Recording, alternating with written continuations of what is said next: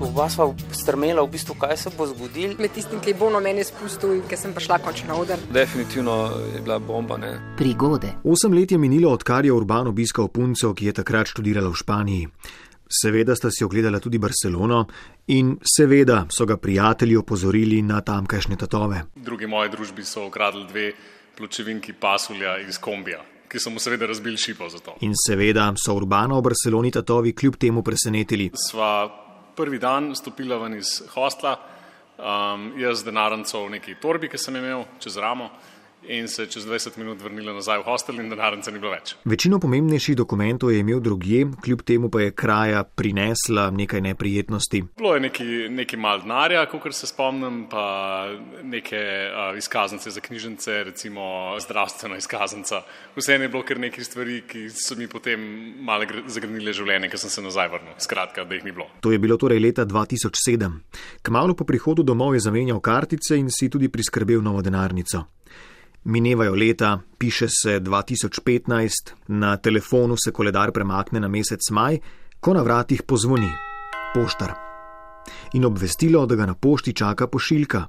Prva misel, seveda, prijetno obvestilo od davkarije ali kaj podobnega. Ne? Nič, se pač odpravi. In potem pridem v, na pošto in najprej ni našla te zadeve, ker nekaj časa je iskala, potem pa vzame tako ogromen rumen paket. Jaz, hm. Odpre paket in zagleda denarnico. Pogledam v denarnico in pač pogruntam, da je to moja zadeva, da so not še neke moje stare slike, ne samega sebe za dokumente, uh, kupček starih bonov. Um, tako že tako bledelih, da sem komi razbral, kaj, katere restauracije so bile in pač vsi ti dokumenti, ki so še ostali notrne. V denarnici je bilo še nekaj kartic, manjkala je le zdravstvena. Kot je pojasnil priloženi dopis slovenskega predstavništva v Madridu, so jo namreč poslali izdajatelju, Zavodu za zdravstveno zavarovanje. Dodatnih pojasnil na dopisu ni bilo. Denarnica je torej v osmih letih nekako pripotovala iz Barcelone v Madrid in na to po pošti v Slovenijo.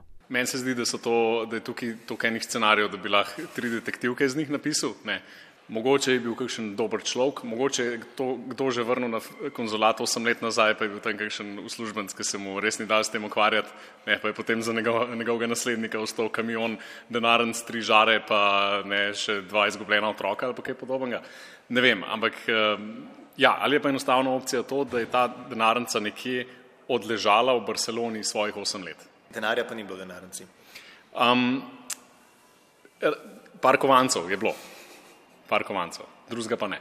To je zdaj v bistvu srečna denarnica. Um, si jo vrnil v uporabo, jo uporabljaš zdaj? Ja, bizarno je to, da denarnica je dejansko v razmeroma dobrem stanju, to, da je v boljšem stanju kot moja sedanja in zdaj čaka na ponovno uporabo. Ne. Moram še razmisliti, kaj z njenim uh, mitološkim potencialom lahko naredim. Kako, kaj to zdaj pomeni, da se je vrnil k meni po osmih letih. Urban je torej v poslovalnici pošte prejel nekaj, česar tam sicer ne prodajajo, kar je manjši čudež, primerljiv s tem, da se je po osmih letih vrnila ukradena denarnica. Vaši prigodi pa prisluhnem na nič 1 475 2202 ali jo preberem na neits.jemecaf na rtvslo.si.